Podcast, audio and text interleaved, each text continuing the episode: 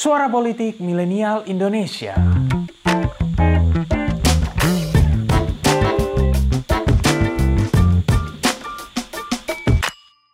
Siapa nih yang nggak pernah nonton film-film Disney? Banyak dari kita pasti nonton film-film kartun asal Amerika itu semasa kecil. Dan nggak sedikit dari kita ngerasa kalau banyak film Disney itu inspiratif. Salah satunya adalah Mulan. Eits, bukan Mulan yang sekarang jadi anggota DPR loh. Kalau itu kan politikus yang dulu populer jadi penyanyi. Kalau ini, Mulan yang terkenal melalui keberaniannya. Mulai yang satu ini nih, jadi film kartun yang lumayan beda loh dengan film Disney lainnya.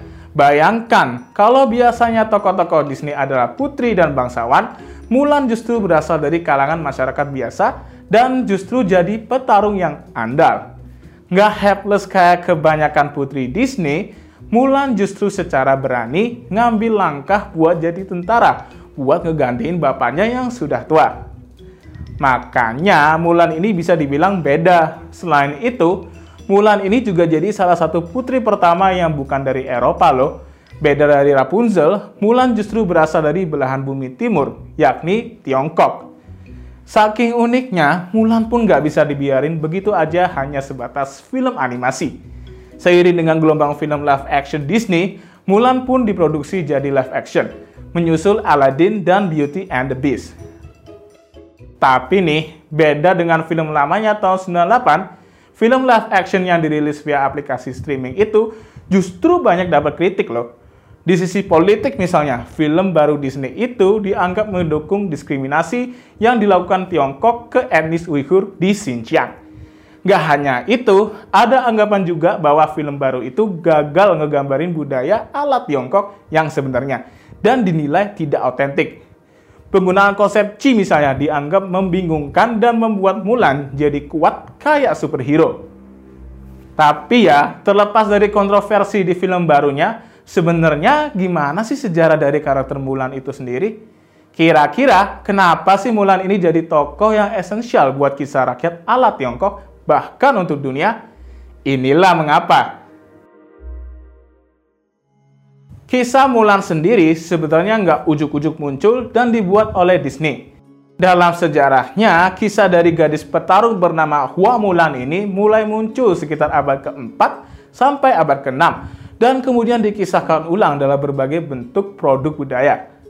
Salah satu catatan tertua justru berbentuk ballad yang ditulis pada era dinasti Tuopa Ballad yang berjudul Mulan She itu ngambil setting ketika dinasti tersebut menjalankan kampanye militer terhadap kehaganan Rouran, sebuah negara yang identik dengan etnis yang nomaden. Cerita rakyat ini akhirnya masuk layar lebar sekitar tahun 27 loh. Waktu itu, sebuah perusahaan film asal Shanghai ngebuat kisah ini dalam versi film bisu berjudul Hua Mulan Joins the Army. Setelah itu, banyak produsen film Tiongkok yang ikut ngebikin kisah ini jadi film. Mulai dari sekitar tahun 39, terus tahun 64, hingga tahun 2009. Sampailah pada tahun 98, Disney sebagai produsen film dari Amerika Serikat membuat kisahnya dalam bentuk film kartun. Totalnya nih sekarang, adaptasi film dan seri atas Mulan ini mencapai 17 judul ini termasuk film terbaru dari Disney yang kemarin menuai kontroversi. Nah, kalau di film Disney tahun 98, Mulan dikisahkan melawan bangsa Hun yang secara etnis lebih dekat dengan Mongol.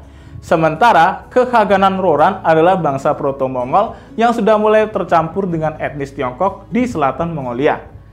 Dinasti Tuopa Wei dan kehaganan Roran ini dalam sejarahnya emang selalu berperang.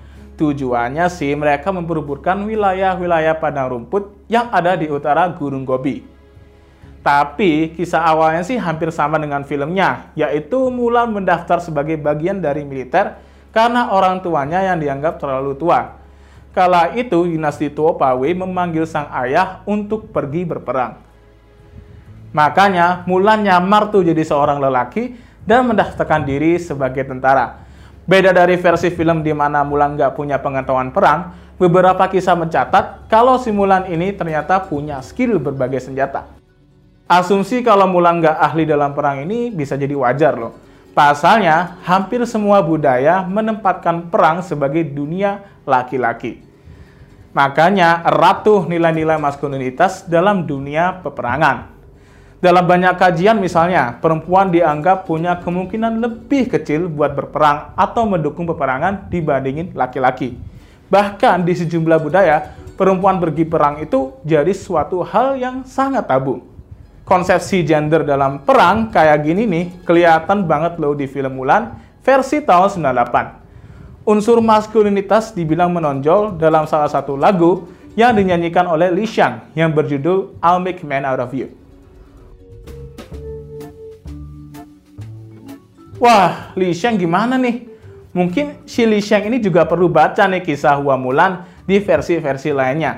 Barangkali si Li Xiang yang harus belajar cara menggunakan senjata dari Mulan. Ya, meski kisah Mulan ini jadi banyak versi, seenggaknya ada beberapa kisah yang bilang kalau gadis pejuang ini malah sukses di bidang militer.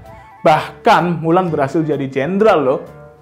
Menariknya lagi nih, respons rekan-rekan tentaranya di beberapa versi juga beda. Kalau di versi film 98, teman-teman militernya malah shock ketika tahu Mulan adalah perempuan. Sementara di sejumlah versi kuno disebutkan bahwa kawan-kawan tentaranya malah menyambut baik fakta tersebut. Bahkan nih, para tentara malah menghargai dan menghormati Mulan karena dianggap berani mendobrak kebiasaan umum.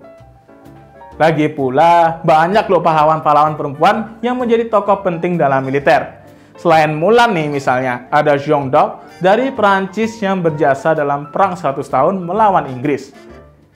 Nggak cuma Tiongkok dan Perancis, Indonesia juga punya kok pejuang perempuan. Chun Yadin misalnya, jadi pemimpin perang gerilya di Aceh waktu melawan Belanda. Mirip Mulan, kisah pahlawan perempuan ini juga diadopsi ke dalam film.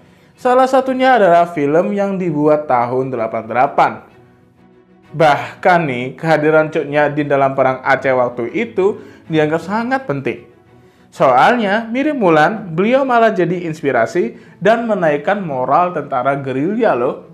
Bukan nggak mungkin munculnya kisah Mulan di era Tiongkok kuno itu menunjukkan bagaimana perempuan dapat mengisi peran bak laki-laki. Termasuk peperangannya sangat identik dengan nilai-nilai maskulin. Bahkan penerimaan dan penghargaan malah muncul loh di kisah Mulan.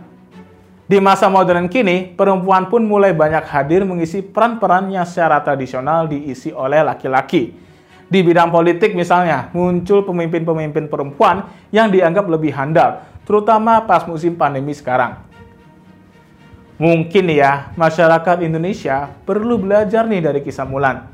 Sudah saatnya gender tidak lagi menjadi batasan atas kesempatan. Terima kasih ya udah dengerin episode ini. Kalau kalian suka, jangan lupa dengerin episode-episode lainnya dan kunjungi website pinterpolitik.com biar dapetin info politik yang menarik.